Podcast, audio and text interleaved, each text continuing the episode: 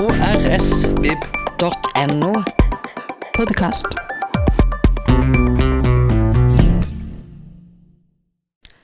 Det er sånn at det fins jo noe som heter Bjørnsonfestivalen i Molde. Der har de gjort det til en årlig tradisjon å ha en Bjørnson-forelesning. Der man får forfattere til å snakke om hvordan Bjørnson har inspirert dem. Eh, og akkurat den har jeg adoptert ned til Bjørneboe-dagene. Så historiens første Bjørneboe-foredrag, det får vi fra et menneske som er sterkt inspirert av Bjørneboe. Så ta godt imot Erik Fossnes Hansen.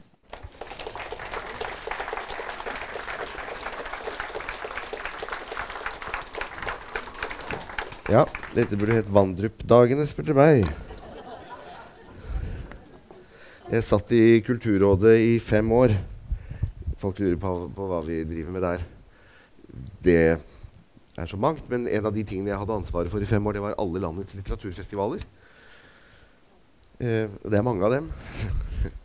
mange flere enn dere har anelse om. Eh, 35 stykker utenom de som står på statsbudsjettet, var det i min tid. Og jeg husker vi hadde disse litt festival... eh, inne til møte. og sånn. De var jo helt gråmelerte. Så trette og slitne var de. For det er slitsomt å drive litteraturfestival og mye som skal organiseres. Så jeg tror vi tar en liten applaus jeg, for Randi Berge Vandrup. Det syns jeg vi skal gjøre. For det er ikke bare å gjøre det. Og jeg bestemte meg for én ting de årene jeg satt i rådet. Jeg skal aldri drive litteraturfestival. For det er heroisk, det som gjøres land og strand rundt. Virkelig. Men så til uh, sakens kjerne. Det ligger nemlig en underlig litterær symmetri i at både Henrik Wergeland og Jens Bjørneboe ble født i Kristiansand. Denne symmetrien er antagelig tilfeldig, har vel ikke noe med selve byen og dens luft eller beliggenhet å gjøre. Men siden vi nå en gang er i denne herlige stad, så er det morsomt å trekke det poenget allikevel. Det er nemlig visse paralleller mellom de to. For selv om Jens Bjørneboe langt fra var noen nasjonsbygger, så var han vel kanskje den siste av våre forfattere som på samme måte som Wergeland kunne sette hele landet i brann. Ved sin diktning, ved polemikk, ved agitasjon og ved å sette sin egen person sitt gode navn og rykte på spill. Så Wergeland er vår norske prototyp på dikteren som samfunnsmenneske og refser. Som bygger av myter og idealer, og mange av de store diktere som fulgte i hans spor, fulgte også dette mønsteret. Det gjelder en Bjørnson som en Ibsen, som det gjelder en Kielland eller en Hamsun, for bare å nevne de helt store. Folket, leserne, det er det vi også kan kalle dem. Og Norge var et sted eh, der folkelesningen tidlig var både utbredt og hadde et høyt kvalitetsnivå, så opp til dem. De lot seg oppildne av dem, eller forarga av dem, og noen ganger bli så dypt skuffet over dem at deres ord ble til aske. Ja, det nær sagt bokstavelig talt. Min far, som var født uh, i 1920, fortalte at en av de tristeste dagene under krigen var i 1941, da hans mor, min bestemor Olga, i vrede rasket med seg Hamsuns samlede verker fra familiens rikholdige bokhylle, tok dem med ned i bakgården og brente dem. Så sterk var skuffelsen fordi kjærligheten og beundringen hadde vært så sterk. Ja, også stoltheten over at en av verdens største diktere skrev på norsk, dette lille språket, og at man selv dermed var så privilegert å være denne, en av disse, denne store dikterens første lesere. Og dette sier litt om skjønnlitteraturens og skjønnlitteratenes stillingsverdi for det norske folk. Folket var fattig, men det kunne lese, og det leste. Og det diskuterte, og det elsket, og det hatet, og lot seg oppflamme av det det leste.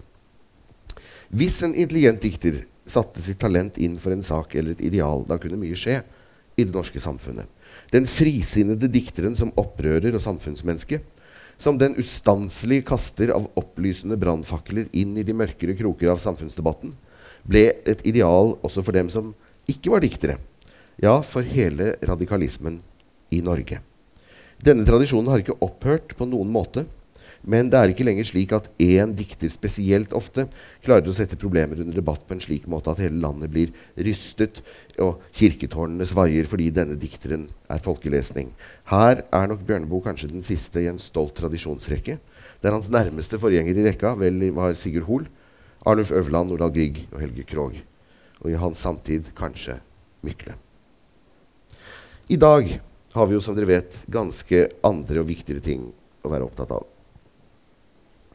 og media med oss. Bloggernes privatliv, f.eks.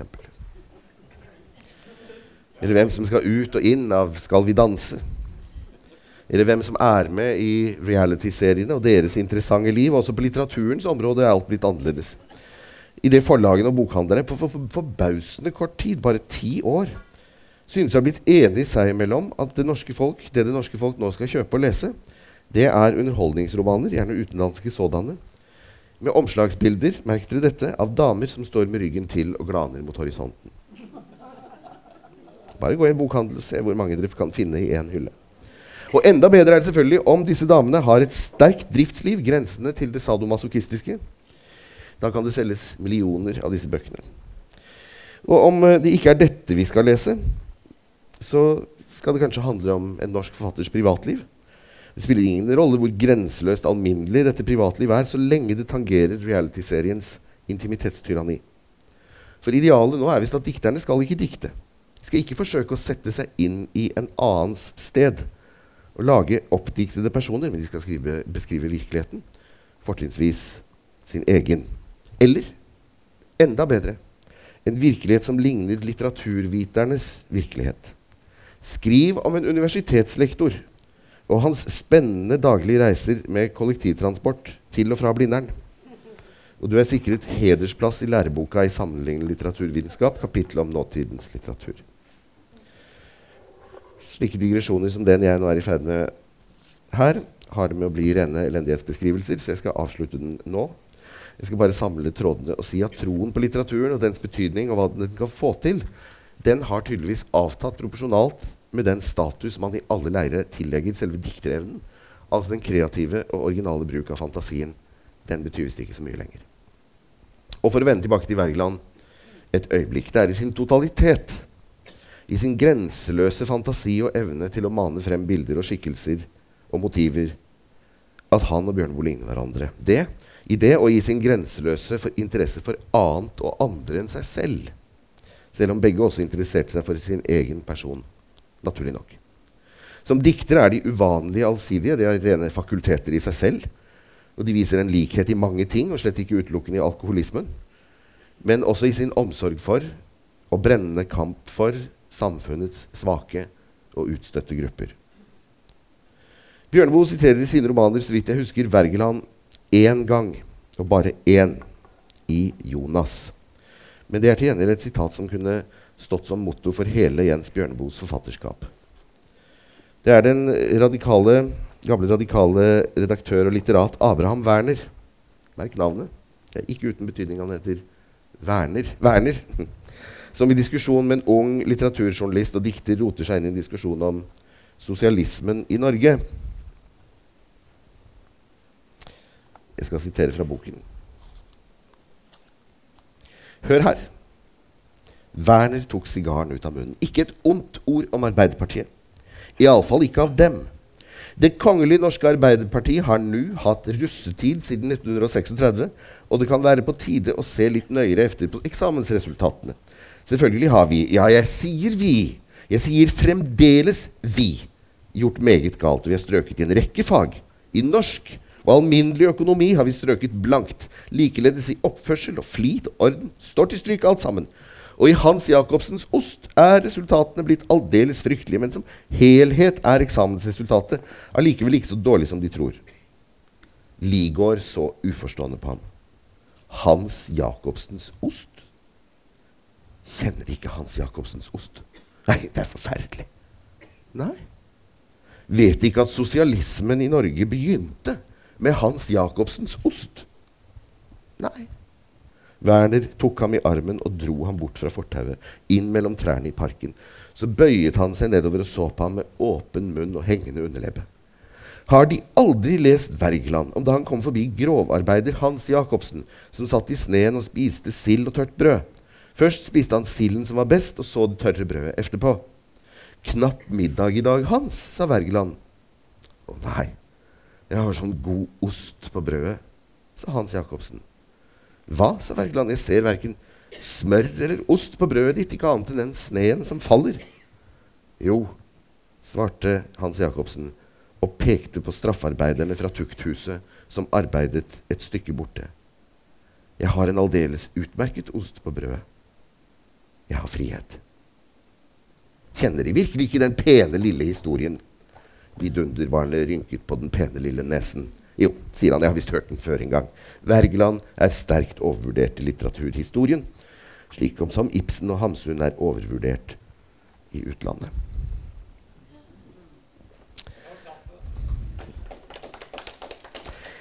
Hans Jacobsens ost. Dette er bare en av de mange referansene som ligger i en roman som Jonas. Men det er flere, og mange av dem er skjulte for leseren ved første øyekast. Jeg skal vende tilbake til Jonas om et øyeblikk, for det er den boken jeg skal ta utgangspunkt i i kveld. Men la meg først kaste et blikk på Bjørneboes forfatterskap i sin helhet. Det er nemlig usedvanlig rikt og allsidig. Samfunnsrefseren han er der, selvfølgelig. Agitatoren også. Vil man ha dikt i strengt klassiske former? Bare å forsyne seg blant perlene, vil jeg si. Dypt impresjonistiske dikt, de også. Hva med dramatikeren? Han er der, og med tyngde. Humoristen? Neppe noen har vel skrevet så morsomt på norsk som Jens Bjørneboe. Reisebrevsforfatteren? Jo da, massevis. Intervjueren og journalisten? Litteraturkritikeren? Teaterkritikeren? Litteraturformidleren? De er også sterkt til stede. Formidleren av historie gjennom essays og artikler og romaner? Ja da. Nasjonalromantikeren? Jo, leter man godt, lar han seg også oppdrive. Pornografen? Selvsagt. Den patetiske drukkebolten og skandaliserte kjendisen? Massevis. Den klassiske riksmålsmannen? Den radikale agitator? Anarkisten? Hva så med metafysikeren og antroposofen? Den kristne Bjørneboe? Steinerskolelæreren? Elskeren av Goethe og Schiller, Hölderlin, Novalis og Rilke, Schubert og Beethoven og alt som var av tysk kultur? Han eksisterer side om side med den Bjørneboe som nådeløst utleverer tyskerne og deres vesen og nazistenes ugjerninger. Som igjen eksisterer side om side med den Nord-Afrika-reisende araberlignende skikkelsen i Djellaba. Og sikkert et helt sett av enda flere bjørneboer, noe som i grunnen reflekteres i det faktum at Jens Bjørneboe på de mange fotografier som eksisterer av han, ustanselig opptrer i nye kostymer, med og uten skjegg. Nye iscenesettelser, kan man si, som er like omskiftelige som de voldsomt omskiftende roller og posisjoner han inntar i sitt forfatterskap, enten vi ser kunststudenten, antroposofen, poeten, læreren, sjømannen, den forfinede esteten, kokken, bohemen, småborgeren, den verdensreisende, den internasjonalt berømte forfatteren og den selvsikre intellektuelle eller fylliken. Bjørneboes forfatterskap er nemlig også sterkt antitetisk. Og det er det peneste jeg kan si om et forfatterskap. Sånn sett er han nemlig en sann dikter. Fordi han gjør det en dikter, og bare en dikter, kan gjøre, nemlig å ha forskjellige meninger. Til dels samtidig, til dels slik at de avløser hverandre. Til dels komplementære, og til dels altså antitetiske. For en litteraturteoretiker burde dette være gull. Men akk, det er jo ikke sånn man skal tenke og mene i denne verden. Det har de fleste av dem lært i forberedende, og ikke glemt siden. Derfor synes ofte de som vet best, at Bjørneboes forfatterskap er noe ordentlig rot. For det første altså dette forferdelige metafysiske skramlet. For det andre altså fascinasjonen for den grusomme tyske kultur og det vanskelige tyske språk. Aldeles ubegripelig. Spesielt når man ikke selv kan et ord tysk. Og for det tredje altså disse stadige vekslingene av ideologiske og politiske og polemiske posisjoner. Helt uten engang å forsøke å skjule sine spor med vanlig dikterisk tåkeprat eller svinksaktige positurer. I det sa, det sa jeg kan dere tolke selv. Og endelig dette riksmålet. Det forferdelige, konservative, borgerlige riksmålet. Og formsikkerheten i lyrikk og prosa som fullstendig er ute av samsvar med hvordan et kyskt og skikkelig radikalt og trygghetssøkende norsk menneske bør skrive, nemlig etter normen. Det er en tilsynelatende normløs dikter og et tilsynelatende normløst forfatterskap, ikke bare språklig. Og siden de fleste litteraturvitere bare leser på overflaten av tekstene, så har de vondt for å se at denne diktningen nettopp setter opp sine egne normer og følger dem. Sine egne antinormer, så å si. Og om de ser dette, så ser de ofte ikke verdien av det. Så radikalt, så utenfor boksen er dette forfatterskapet fremdeles. At det ikke får sin anerkjennelse endog av dem som burde se verdien av nettopp å være utenfor boksen. Fordi denne boksen ikke ligner på noen boks. Det er ingen boks. Fordi den ikke ligner den vedtatte radikalitet slik den god har å arte seg når den kommer til uttrykk i litteraturen. Jeg minner her igjen om den lille scenen med Hans Jacobsens ost. Friheten. Og da har vi samtidig også nevnt tittelen på den romanen som vel står som Jens Bjørneboes hovedverk, 'Frihetens øyeblikk'.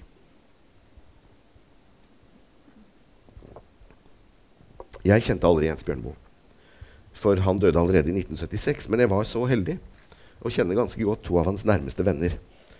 Øystein Parmann, som var min første forlegger i 1985, og Carl Brodersen, som var en av Steinerskolebevegelsens mentorer, nestorer.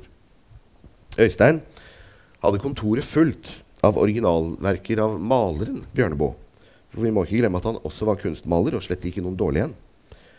Og det var spesielt for en ung Bjørneboe-beundrer å sitte på det forleggerkontoret i Arbiens gate og se på disse bildene. Begge to fortalte litt om ham. Jeg husker særlig Kalles utsagn. Jens var det minst borgerlige mennesket jeg noensinne har møtt.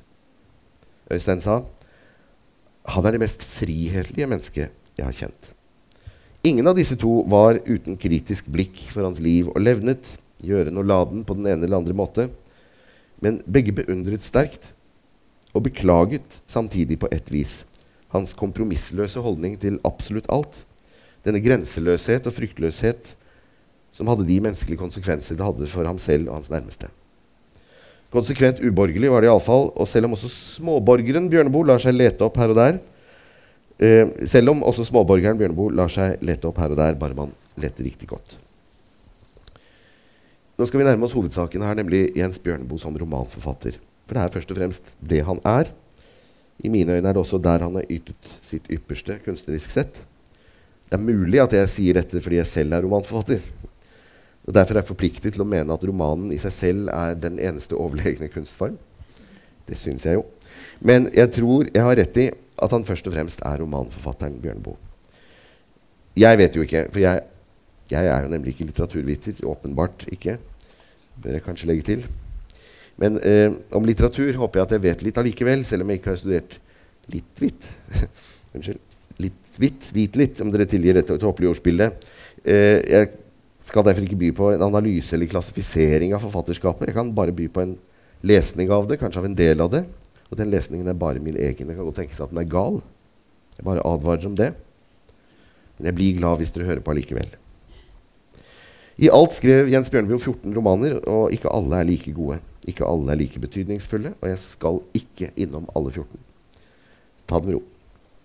Utover romanene skrev han tre diktsamlinger en del løse enkeltdikt, seks skuespill hvis man er sjenerøs, og utga en rekke samlinger med artikler og essays, både mens han levde, og posthumt.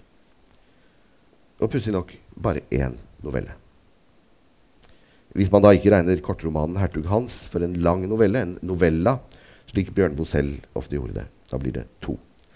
Men det er uansett litt påfallende, siden romanforfattere ofte har et novellistisk forfatterskap ved siden av. Og Det er kanskje spesielt påfallende siden Bjørneboe utga tre meget kresne samlinger med den mest fortettede litterære form av dem alle, nemlig dikt. Ordet dikt kommer da også fra det tyske ordet for tett eller fortettelse. Men ikke alle romanforfattere har det sånn at de skriver noveller.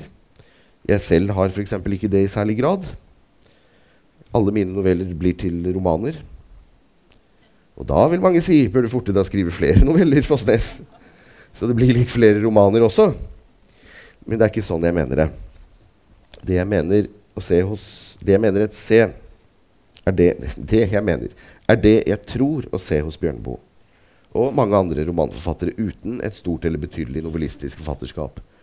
Nemlig at de novellistiske elementene de inngår i romanenes større episke strukturer og narrativer. De er frittstående høydepunkter, kan man si, inne i romanene. Dem er det mange av hos Bjørneboe, så å si i hver eneste bok. De er hva den amerikanske filmregissøren Stanley Kubrick en gang kalte non-submergible units. Uh, Kubrick mente at hvis en av hans filmer inneholdt five non-submergible units, altså fem scener, som i sin novelistiske fortettethet var så gode, så fortettet at de ikke lot seg dukke under overflaten. At de lik bøyer på en badestrand alltid vil sprette opp igjen og holde seg flytende. Ja, da var filmen i boks. Resten, sa Kubik, er transportstrekninger. Man kunne bruke et sitat av Bjørneboe her om et virkelig godt dikt. Hva er Bjørneboes definisjon på et virkelig godt dikt? Jo, skriver han et sted, det er en gjenstand som er så godt og solid satt sammen at det kan kastes ned trappen uten å gå i stykker. Og Det samme kan man si ikke bare om enkelte filmscener og dikt, men også om gode romanscener. Vi er nå kommet et stykke inn i diskusjonen om hva som utgjør en roman, en god roman, og hva en roman er. og Det er derfor også interessant å merke seg hvor lite Bjørneboe selv har skrevet om å skrive romaner. Det er påfallende lite. Mens han ellers skriver så blekket spruter om Bertolt Brecht og teaterteori, om pornografiens stilling i Norge, om kriminalomsorg og pedagogikk, ja, sågar om andres romaner, så skriver han påfallende lite om kunsten å skrive romaner ut fra egen erfaring. Han har visst ingen egen romanteori, tilkjennegir lite om sin metode og sitt håndverk. Men, men heller ikke dette er uvanlig. For en kunstner liker ikke å bli kikket i kortene. Bokstavelig talt i kortene. To giganter som Orson Wells og Henrik Ibsen var begge opptatt av tryllekunst. Både med kort og andre rekvisitter. Orson Wales beklaget seg over at ingen i selskapslivet noensinne ba ham om å fremføre en tryllekunst, enda han hadde mange på lager. Orson Wales kunne møte opp i selskaper i Hollywood med skjult kanin i dressen.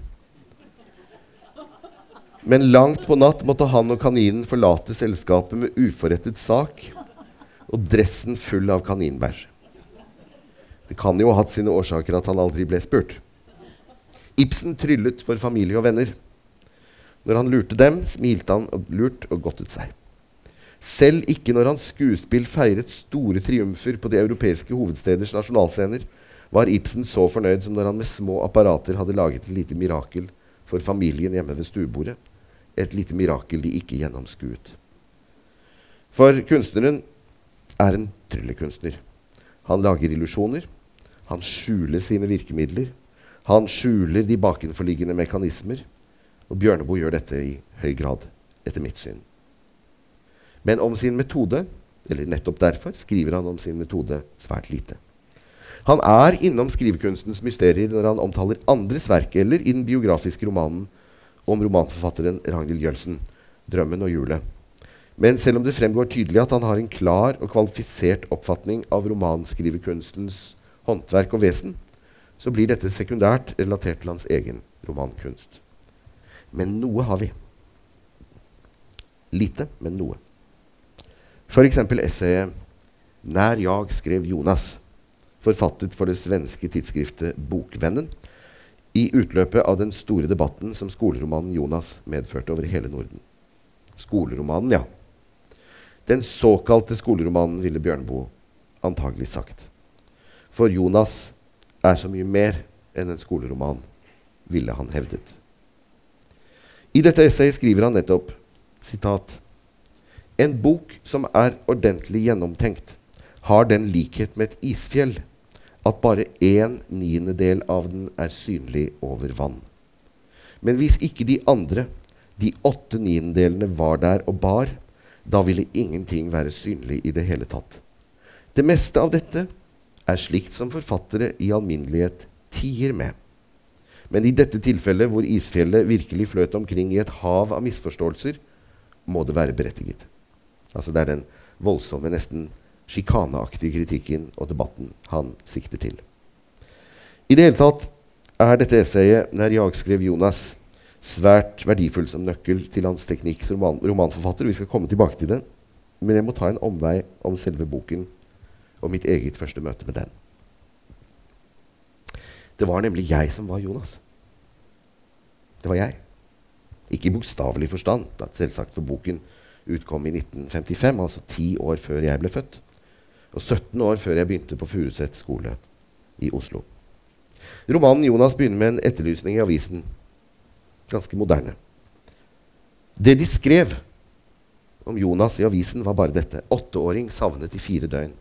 Den åtteårige Jonas Andreassen er meldt savnet fra sitt hjem i Trondheimsveien. Og den slutter som et eventyr. Og her slutter historien om en gutt som ikke kunne lese, på tross av at han var over åtte år gammel, men som allikevel klarte å sette i gang mange ting ute i verden. Det er dette at Jonas ikke klarer å lese, samtidig med at de andre klarer, og han selv burde klare det.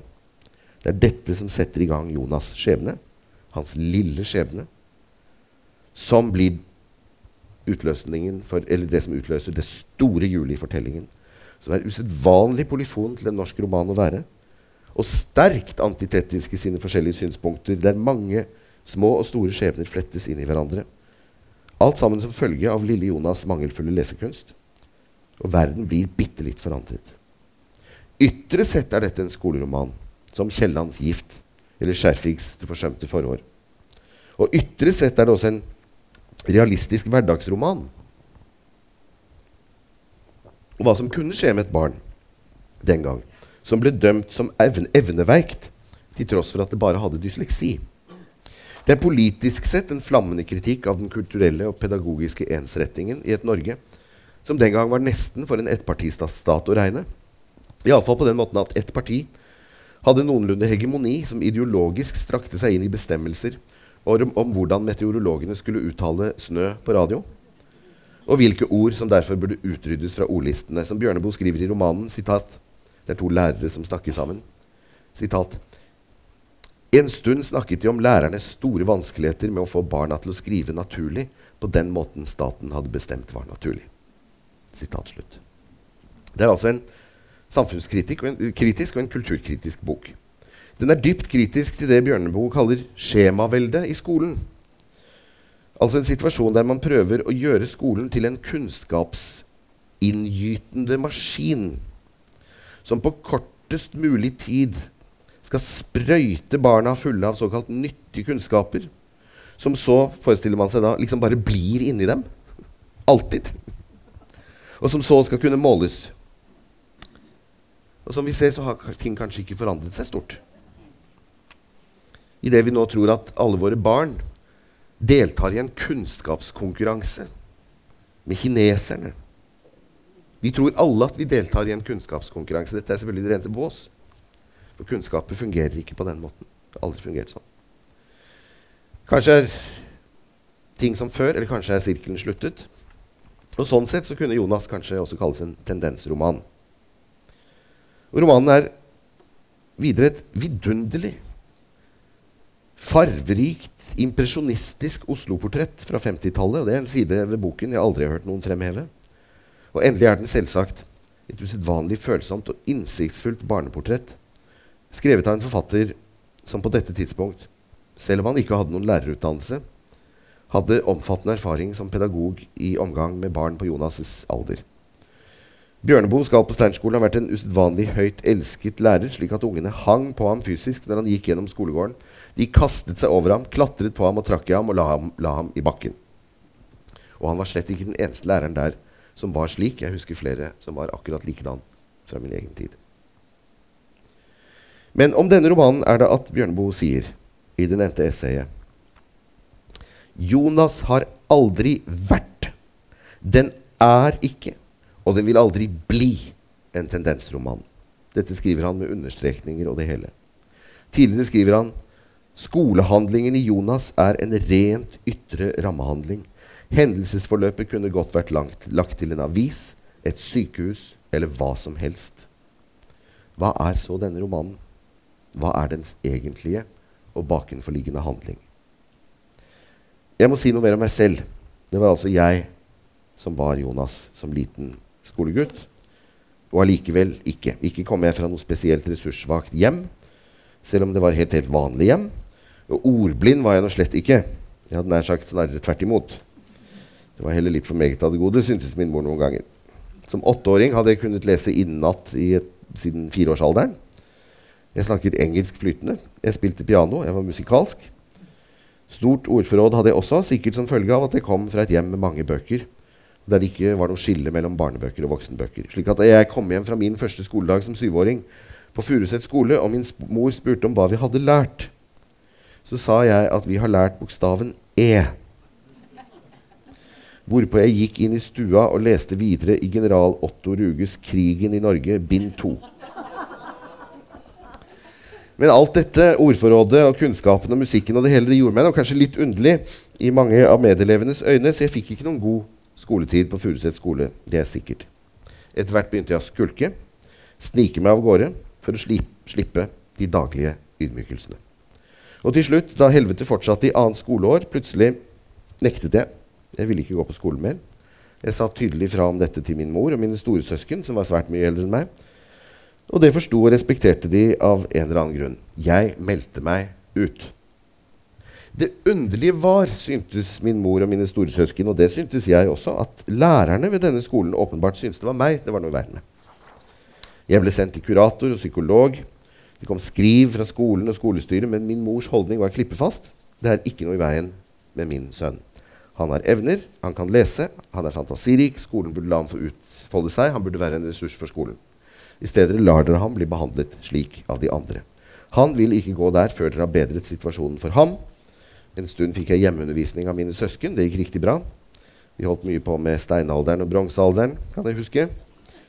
Og på Furuset var de vel kommet til første kapittel i leseboka. Så da skolestyret var like insisterende på at det fremdeles var meg det var noe galt med, sa min mor det er greit, da tar jeg ham ut av skolen og setter ham på Steinerskolen. Den har jeg hørt om. Og det var en ganske voksen beslutning av en alenemor og sentralborddame uten høyere utdannelse på Grorud i Oslo i 1973, men det gjorde hun. Til tross for at Steinerskolen lå, lå tre offentlige kommunikasjonsmidler og mer enn en times reise unna. Dit kom jeg i desember 1973, og der gikk jeg på skolen. Der fikk jeg det bra, ikke problemfritt, for ingen har en problemfri skolegang, men, men svært bra. Så går det noen år. Vårt hjem er stadig like fylt av bøker, for mine foreldre og mine søsken var lesende. Lesing var liksom ikke en interesse den gang, det var bare noe folk gjorde. Man leste, så det var bøker overalt. Mor og far hadde til og med kostet på seg å bygge bokhyller i eik i stua av en snekker. I dem sto klassikerne, voksenbøkene på rekke og rad. Av og til, etter hvert som jeg ble eldre, og oftere og oftere, tok jeg ut noen av dem og leste uten egentlig å få så mye enda ut av Maxim Gorki, f.eks. Jeg vet ikke om det var mor som sa det, men jeg tror det var hun som sa det. 'Denne skal du kanskje se på', eller noe sånt, sa hun. Og da står jeg med Jonas i hånden paperback-utgaven. Mor må ha ment noe med det. Jeg kan ha vært ti, kanskje elleve år, og jeg leste. Og det var svært mye jeg ikke forsto. Men Bjørneboes språk er så billedskapende, og dessuten så rikt. Og handlingen er så effektivt og så renskåren, selv om den er springende. Og skikkelsen er så effektivt tegnet at jeg leste i ett strekk. Jeg kunne kjenne meg veldig godt igjen i eh, og leve meg inn i mye av det Jonas ble utsatt for av sine såkalte kamerater på skolen. Jeg kunne kjenne igjen veldig mye av hvordan lærerne oppførte seg også. Det var selvsagt mye jeg ikke forsto. Men barn er rare. De leser også gjerne det de ikke forstår. Og dessuten var alt så vakkert i denne boken. Selv det hesselige var på en måte, på en grusom måte, svært vakkert. Denne boken hadde en rikere virkelighet, ville jeg i dag sagt, enn svært mange bøker som bare skildrer en ytre virkelighet. Hele tiden hadde jeg følelsen av, uten at jeg hadde ville kunne sette ord på det, at denne historien skjuler en hemmelighet. Den hadde noe felles med folkeeventyrene, med sagnene. Det lå liksom noe bakenfor. Og endelig kom jeg frem til det kapitlet i boken der Jonas havner på sin nye skole, som i romanen ikke har noe navn, men som er Steinerskolen. Det er vel den mest frapperende litterære gjenkjennelse jeg noensinne har vært med på. Der og da ble jeg forfatter. For Bjørneboe beskriver moment for moment, sansning for sansning, øyeblikk for øyeblikk, ord for ord, stemning for stemning, min egen første skoledag på Steinerskolen i Oslo, og hvordan jeg opplevde den. Nøyaktig, presist, helt kongruent, ikke slik at det lignet 90% men 100% Akkurat slik var det. Ikke nesten slik. Akkurat slik. Og med like stor nøyaktighet skildret han så mine egne første uker og måneder på den nye skolen. Det var vel da jeg skjønte hva en roman kan være. Fra da av leste jeg romaner ustanselig. men få har gjort like uutslettelig inntrykk på meg som Jonas. Man kan innvende at dette er av personlige identifikasjonsgrunner. Men selv når jeg forsøker å trekke dem i bakgrunnen, fremstår denne teksten som levende, gåtefull og rik. Til tross for de svakheter som kritikken allerede i 1955 fremsatte mot den. Det er en karikatur, innvendte både kritikken og lærerstanden. Den er urettferdig mot norske lærere, hvorav de fleste gjør sitt beste i skolens vanskelige hverdag. Den fremstiller dem som pappfigurer. Den er for tendensiøs, den er for reaksjonær, den er for polemisk. Den har for mange innskutte essays der forfatteren gjør rede for dels sine meninger, vel og bra, men hvorfor skal han gjøres rede for så mye annet også? Myter og bibelhistorie og Goethe og tysk diktning. Andre ting enn det som tilsynelatende er temaet, nemlig den norske skole, helt uvedkommende. Sant nok. Kanskje på et vis. Men ingenting endrer på dens litterære mangetydighet, og ikke på dens effektivitet. Hva er det med denne boken? Hvorfor heter gutten Jonas? Et navn som går forferdelig dårlig genitiv. Og ikke Knut. Hvorfor kalles lærerne for salamandere? Hvorfor får vi vite så mye om hva hovedpersonene drømmer hele tiden? Hvorfor spiller jul og mekaniske attrapper og innretninger en så stor rolle. Hele denne boken er som et drømmebilde. Et maleri, om man vil, som tross sin tilsynelatende realisme plutselig synes å være absurdistisk og symbolistisk. Og hvorfor står essayene som er uten tilsynelatende relasjon til handlingen, der? Dagens litteraturkritikk ville vel ha respondert som datidens gjorde, Nemlig at forfatteren ikke behersket sin håndverk slik man burde. At boken var for springende, og boken var for overflatisk og endimensjonal.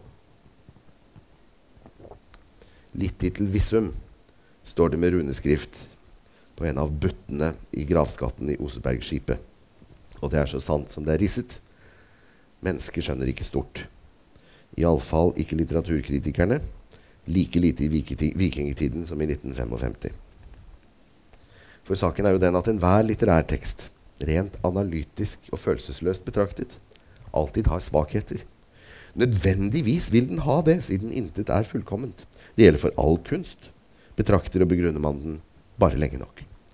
Alhambras geniale arkitekt, han som tegnet gårdsplassen med løvefontenen, han la inn en liten feil i sitt makeløse, svevende mesterverk. En liten, villet skjevhet, sies det. Siden bare det Gud skaper, er fullkomment. Og det er en anmasselse av menneskene å forsøke å skape noe fullkomment. Det er jo vakkert å tenke på. Men det kan jo tenkes at han la inn denne åpenbare feilen, slik at ettertiden ikke skulle begynne å lete etter andre feil også, som sikkert er der, de med. Bare man ser lenge og godt nok etter. Bjørneboe nevner et sted, jeg husker ikke lenger hvor, at han har lest hos en litteraturviter at Goethes romaner var mislykkede. Bjørneboes kommentar til dette er like kort som den er besk, på to ord. Akk ja. Jonas har nemlig de kvaliteter en god roman skal ha, i mine øyne iallfall. Den har en historie. Den har et handlingsdrevet plott som gjør den vanskelig å legge fra seg. Den har for hovedpersonenes vedkommende et, dypt lag av innsikt, et lag av dyp innsikt i menneskesinnet. Alle dens skikkelser er imidlertid tydelige og minneverdige. Selv bifigurene har navn og ansikter og væremåter som gjør at man ikke glemmer dem så lett. Han kan minne om Dickens. Den engasjerer på flere plan, både intellektuelt og emosjonelt. Og endelig forblir det en restsum tilbake når man har forsøkt å finne ut av hva det er som utgjør den i alle dens enkeltheter. Så la oss se om Bjørneboe selv i dette eneste essayet han skrev direkte og inngående om skrivningen av romaner, altså 'Nær jag skrev Jonas', bringer oss nærmere en innsikt i metoden han brukte som kunstner. Eh, først bruker han en del plass på å kommentere bokens mottagelse. Herunder sjikanene og kampanjejournalistikken som ble brukt mot den.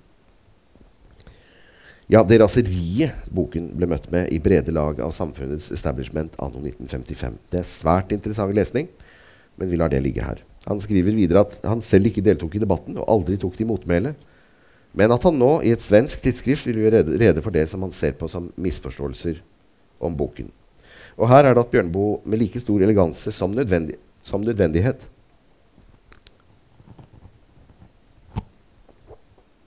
Det får unnskylde meg, jeg er ordentlig forkjølt. Her er at Bjørneboe med like stor eleganse som nødvendighet viser hvilken finslipt polemiker og skarpsindig retoriker han var. Han skiller selv vekselvis mellom den virkning hans kunstverk har hatt i debatten. Eh, får inn noen dødelige hugg og stikk der, der hvor det kan virke absolutt nødvendig i diskusjonen om skolevesenet i Norge, men holder så verket unna. Han skriver også at sjikanen ble oppveid av forsvaret boken fikk, og at det var oppmuntrende at enkelte kritikere oppdaget sitat, at boken egentlig handlet om noe annet enn det debatten dreide seg om.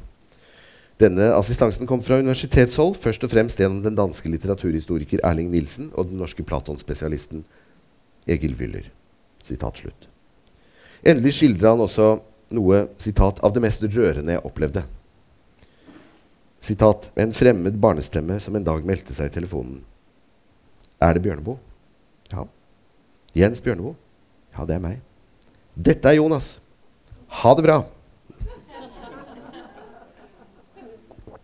Men altså Boken handler egentlig om noe annet enn det debatten hadde dreid seg om. Dette poenget gjentar Bjørneboe veldig mange ganger. Og så kommer det han slipper katta ut av sekken for første og siste gang i sitt romanforfatterskap, det jeg kjenner til og gir leseren innblikk i sin teknikk og kunstneriske tenkning. Jeg skal lese et langt sitat fra dette essayet, fordi det beskriver bedre enn jeg kan gjøre selv hva som utgjør de ni tiendedeler av isfjellet Jonas utgjør.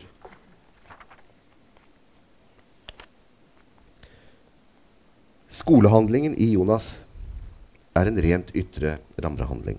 Hendelsesforløpet dette har vi vært innom før, kunne like godt vært henlagt til en avis, et sykehus eller hva som helst. Sentrum i boken er gjenfortellingen av Gralssagaen og den forutgående skildring av gymnasiastene. Hovedtemaet er anslått i setningen For hvis Gralsriddere glemmer Gral, da dreper de hverandre.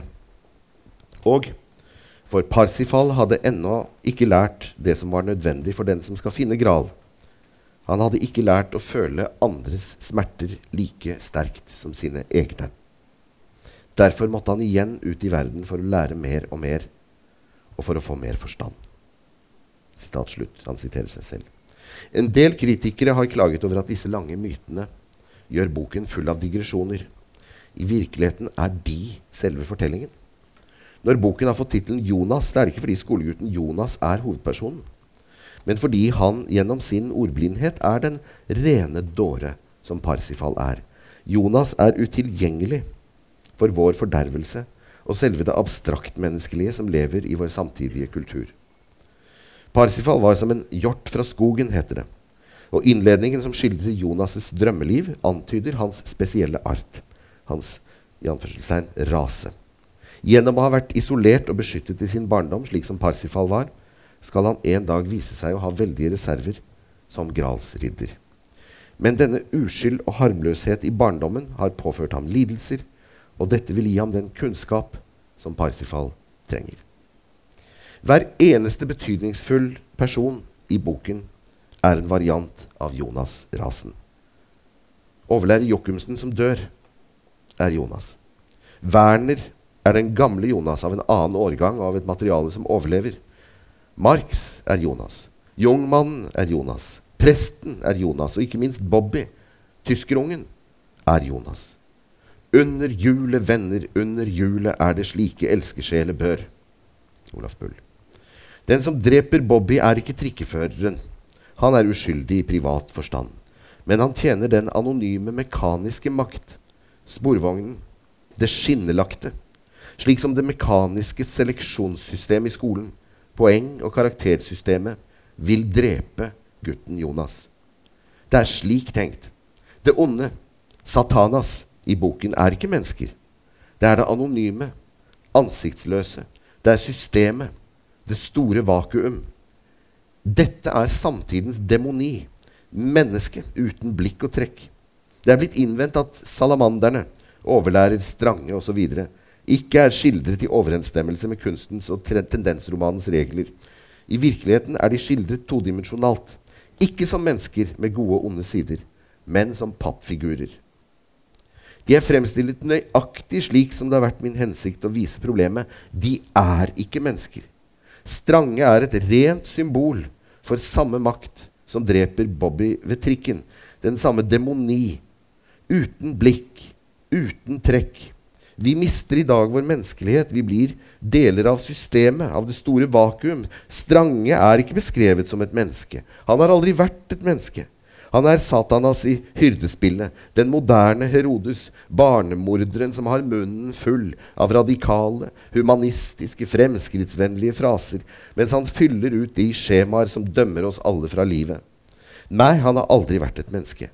Hvorfor han i denne romanen nettopp er lærer, og overlærer, han kunne like godt ha vært den radikale avisredaktør som, radikale avisredaktør som skriver indignert om negerforfølgelsen i USA, mens han selv i sitt blad forlanger dødsstraff innført for norske nazister og forlenget fengselsstraff av generalpreventive hensyn. Også jødene beskytter redaktøren. Jødene er i utlandet. Mens han samtidig for løssalgets skyld driver en mann til selvmord og hans barn til å bli sjikanert på gaten. Dette er redaktør Strange. Og selvfølgelig ville det være urettferdig å si at journalister er slik. Like urettferdig som det ville være å si at lærere er slik som overlærer Strange. Og jeg har heller ikke sagt det. Generaliseringen skriver seg helt og holdent fra en bestemt gruppe av opphissede lesere. Det er ikke jeg som har injuriert lærerstanden, det er lærerstanden som dessverre har injuriert seg selv ved å pukke og pukke på at Strange er et portrett av dem. Beklemmende er det bare å tenke på hva slags norsk- og litteraturundervisning slike lærere driver i ubevoktede øyeblikk på kateterne. I de mange ubevoktede øyeblikk. Nei, Strange er aldri tenkt som et menneske. Han er langt, noe langt mindre, og samtidig noe langt sterkere enn et menneske. Han er en inkorporasjon av tidens onde ånd. Han er tidsdemonen. Han er salamanderen. Og Jonas har aldri vært, den er ikke og vil aldri bli en tendensroman. Et ganske annet aspekt ved boken er alt som er knyttet til navnet Jonas. Profeten i Leviatans buk. Han gikk til Ninive, den store by, som var tre dager stor å gå igjennom, og hvor der fantes titusener som ikke visste forskjell på høyre og venstre, samt meget kveg. Slaktekveg og stemmekveg er kjente ord, og det er ikke jeg som i min ondskap har gått bort og funnet på dem. Parallellen mellom Jonas-historien og den gammeltestamentlige myte er så vidt streng at efter oppholdet i Leviatans buk fulgte hvilen under gresskartreet. Efter oppholdet i mørket inne i livbåten følger fruktbespisningen i sykelugaren og møtet med jungmannen.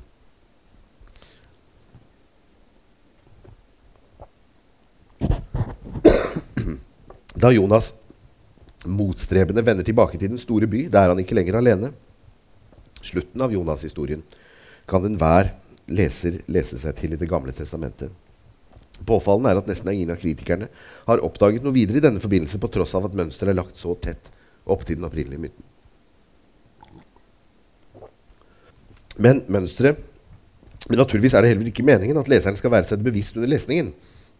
Når myten trenges, trekkes inn, da er det først og fremst som klangbønn. Og det er gjort i tillit til at enhver myte er en arketyp et slags urbilde som ikke kan unnlate å gripe inn i leserens underbevissthet mens lesningen pågår. Langt mer eiendommelig er det at ingen lærere har lagt merke til det, men at hele indignasjonen fra skolehold beror på at man har lest boken på det aller ytterste overflateplan. Lærere bør jo bedre enn andre være nær urkilden i vår kultur, bl.a. nettopp Det gamle testamentet, og derfor ville det naturlig vært at i særdeleshet lærerne hadde klart å lese boken bevisst, altså nettopp uten altfor sterk emosjonell reaksjon. Imidlertid må man være oppmerksom på at de voldsomste reaksjoner fra skolehold ikke skriver seg fra egentlige pedagoger, ikke fra lærerinner og lærere, men fra overlærere. Halvskribenter, småpolitikere, utgivere av skoleblad osv. Dvs. Si fra folk som innehar ledende stillinger, halvoffisielle personer som egentlig er på vei bort fra læreryrket og over i politikken. Folk som satser på den sosialistiske skolepolitikk og en fremtid innen den. Mange av de hyggeligste håndstrekningene med rabaldere har jeg fått skriftlig offentlig fra lærerinner og lærere. Og naturlig nok først og fremst fra de yngste, som selv ikke har vært med på å bygge opp kontor og skjemavelde i skolen. Enda en ting som blir glemt i kampens hete, er at Jonas er en munter bok.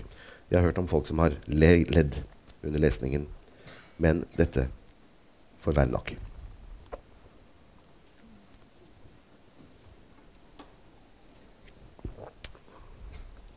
Denne metoden som Bjørneboe skildrer her. Denne måten å tenke roman på, den er selvfølgelig ikke unik i verdenslitterær sammenheng. Men få norske forfattere har vært seg den så bevisst som Bjørneboe.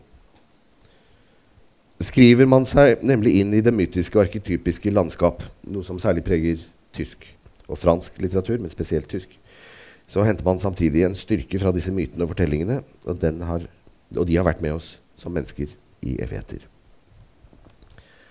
Og jeg røper vel ikke for mye om jeg sier nå at dette er en litterær metode jeg selv benytter meg av til en viss grad når jeg komponerer mine egne romaner.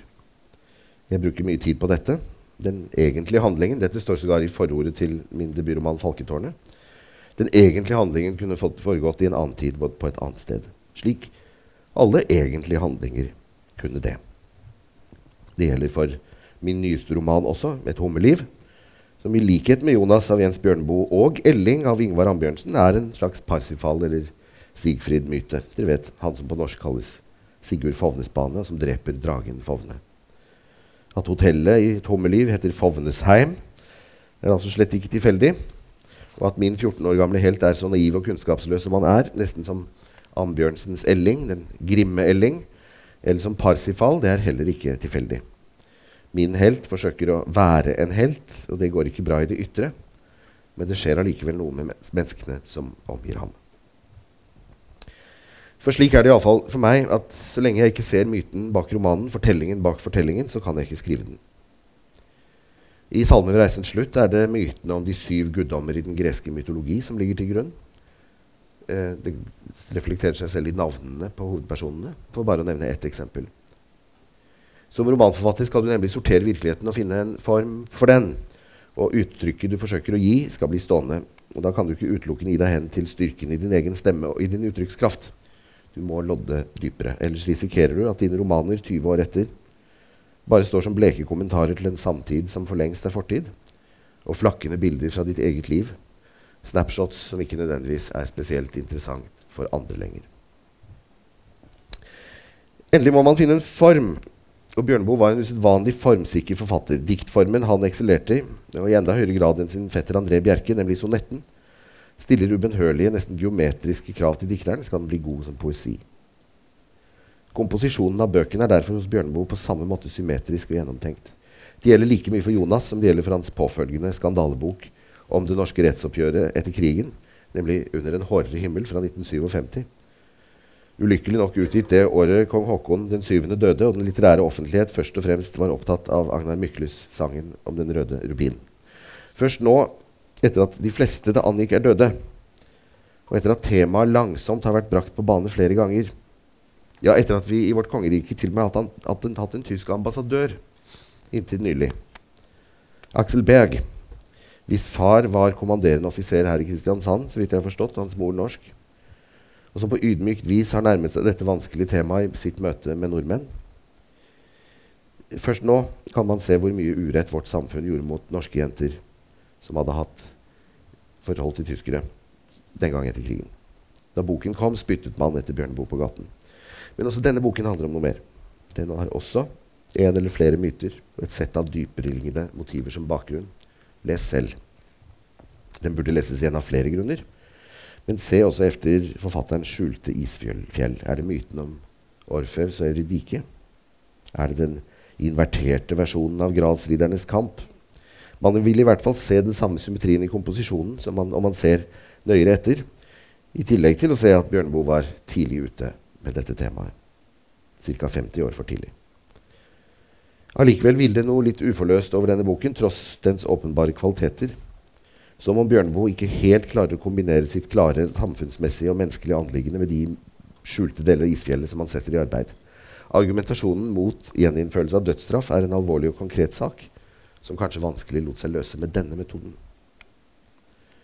Så inntar forfatterskapet etter hvert en skarp, jeg vil si frigjørende sving i sin metode. Det faller delvis sammen med hans interesse for teater og for moderne tysk teater, fremfor alt etter hvert gjennom Brecht. Men før dette kom 'Vinter i Bella Palma'. Det er en roman få har hørt om eller lest, men for meg utgjør den et vendepunkt i forfatterskapet. Her frigjør nemlig Bjørnboe seg fra sin metode. Han kaster alle mytologier og tidligere medfølgende kompositorisk ballast på båten og skriver en rent handlingsdrevet farse. En buskis, ville vi sagt. En ordentlig forvekslingskomedie som jeg mistenker opprinnelig kan ha vært skrevet som et teaterstykke. Handlingen er ikke dyp i gjengs forstand, selv om den har en alvorlig og brutal nok bakgrunn i endringene i det italienske samfunn på den tiden. Den foregår nemlig i en liten italiensk fiskelandsby, Bella Palma, der, bast, der, de få fastboende utlendingene interagerer med den arkaiske og konservative, men livlige befolkningen av fastboende, som står overfor dilemmaet mellom å være fiskere som før eller bli kulisser og statister for de tilreisende, som for lengst skaper mesteparten av byens inntekter.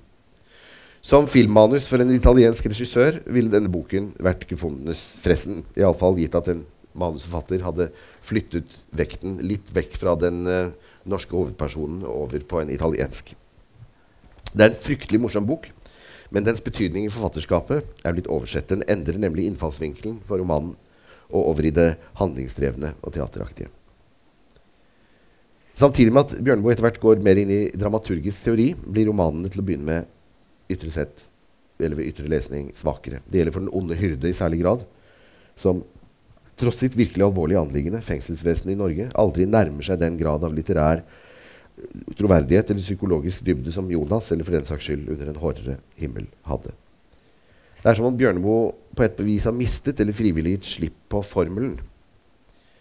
Også romanen 'Drømmen og hjulet', nydelig som den er, en halvbiografisk skildring av forfatteren Ragnhild Jølsens liv, er underlig bundet i en stringent form som Bjørneboe på scenen alt hadde forlatt på dette tidspunkt. Og egentlig har han kanskje forlatt det i bøkene også, romanene også. Han vet det bare ikke ennå.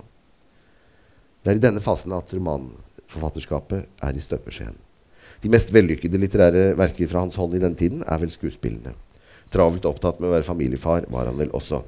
Men så, fra 1966 til 1973, som dere vet, så sprenger han alle grenser for romanformen slik han hittil har brukt den, med den trilogien som kalles bestialitetens historie, nemlig romanene 'Frihetens øyeblikk', 'Kruttårnet' og 'Stillheten'. Dette er romaner helt uten egentlige lineære handlinger.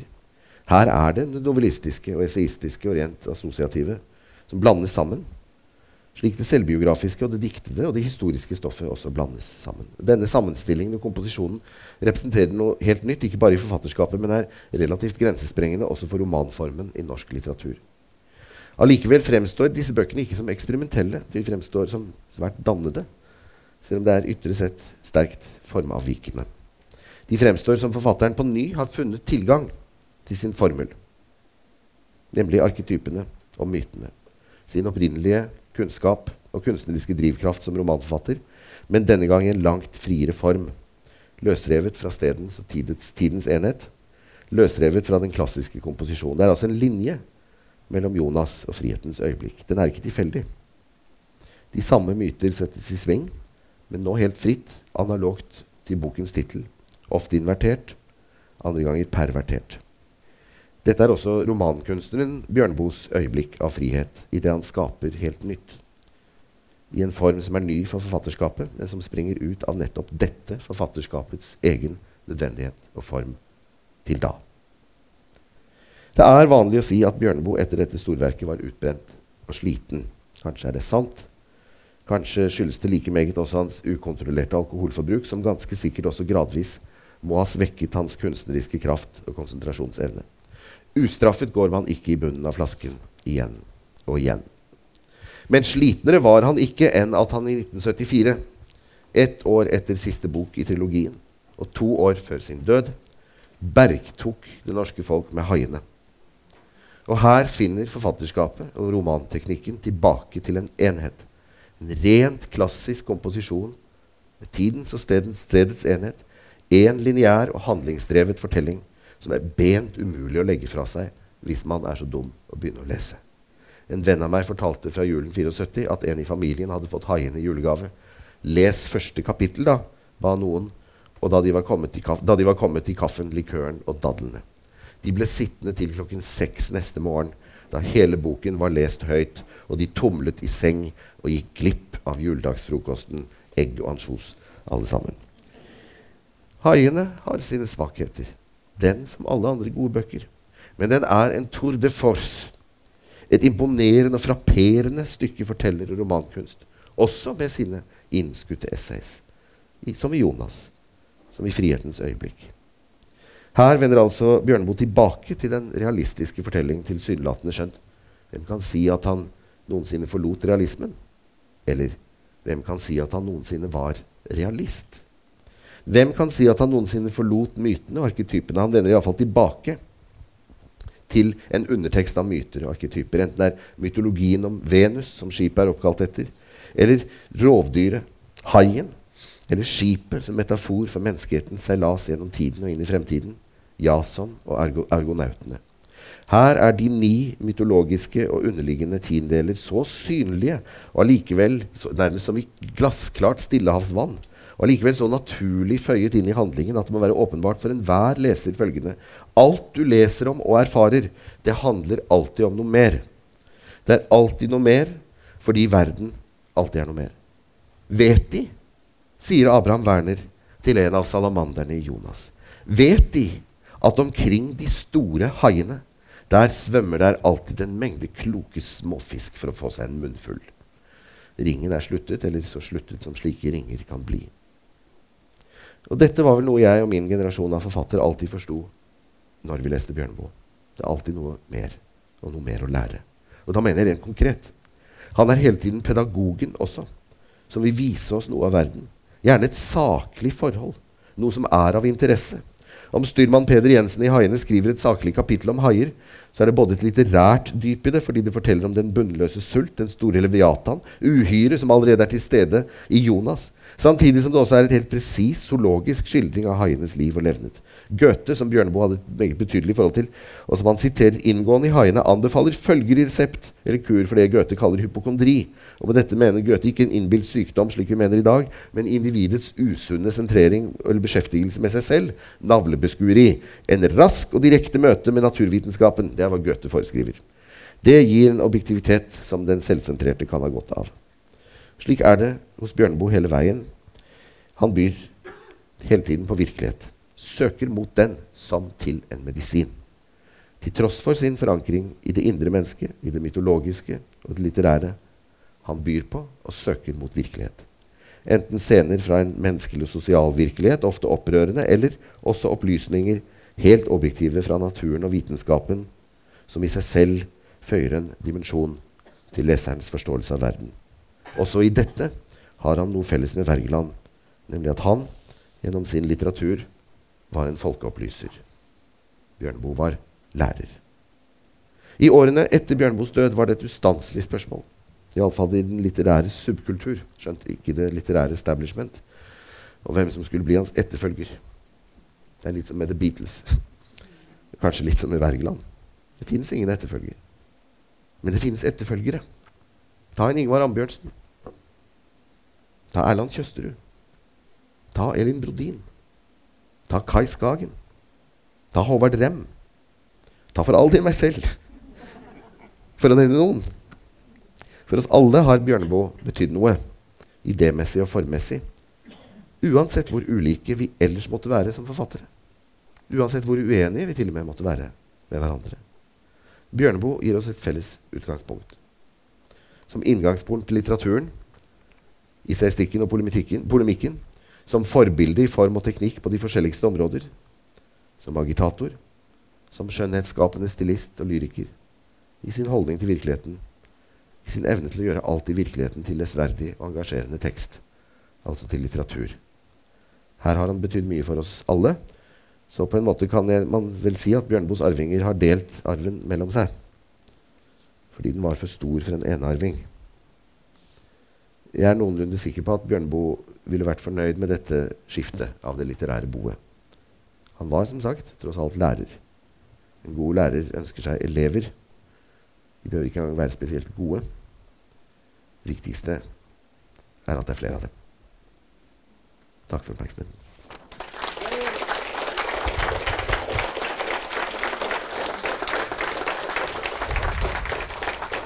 Oi, oi. Der og da bestemte jeg meg for å bli forfatter. Bjørneboe, Jonas Erik Fossnes Hansen. Vi kunne ikke hatt en bedre første foredragsholder på Bjørneboe. Tusen takk, Erik Fossnes Hansen. Takk skal du ha.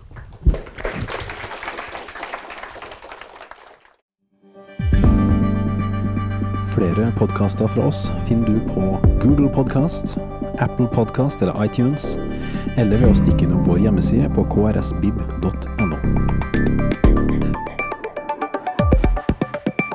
krsvib.no. Podkast.